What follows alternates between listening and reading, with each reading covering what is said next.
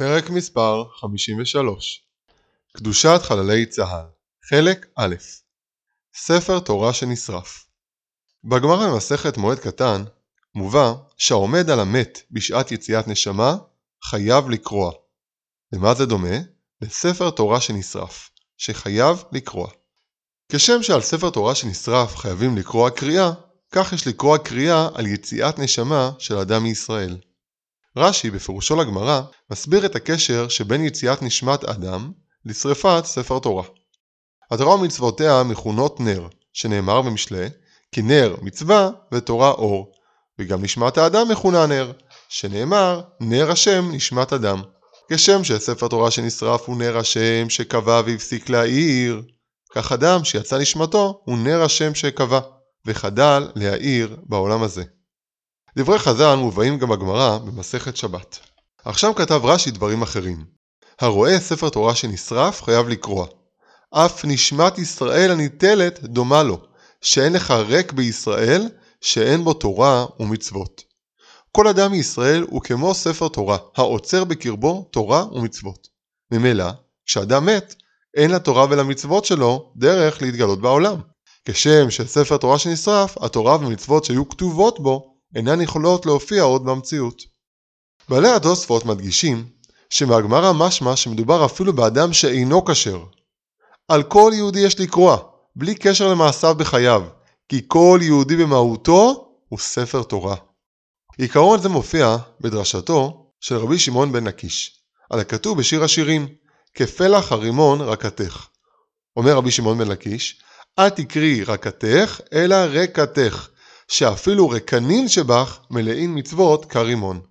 כל יהודי במהותו הוא ספר תורה.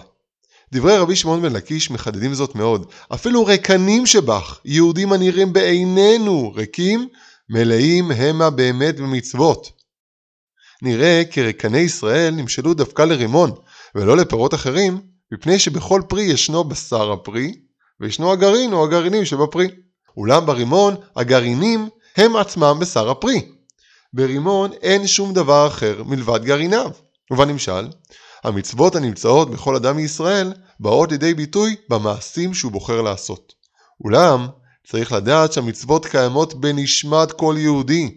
הגרעין הרוחני הסגולי שלו הוא תורה ומצוות. הוא עצמו קודש. כל יהודי הוא ספר תורה במהותו. התורה גנוזה בנשמתו. ונר השם נשמת אדם גנוזה איפה התורה. גם אם אינה באה לידי ביטוי במעשיו. כך מובא בספר נפש החיים. כל אחד מישראל, שורש נשמתו העליונה מדובק ונאחז באות אחת מהתורה, והיו לאחדים ממש.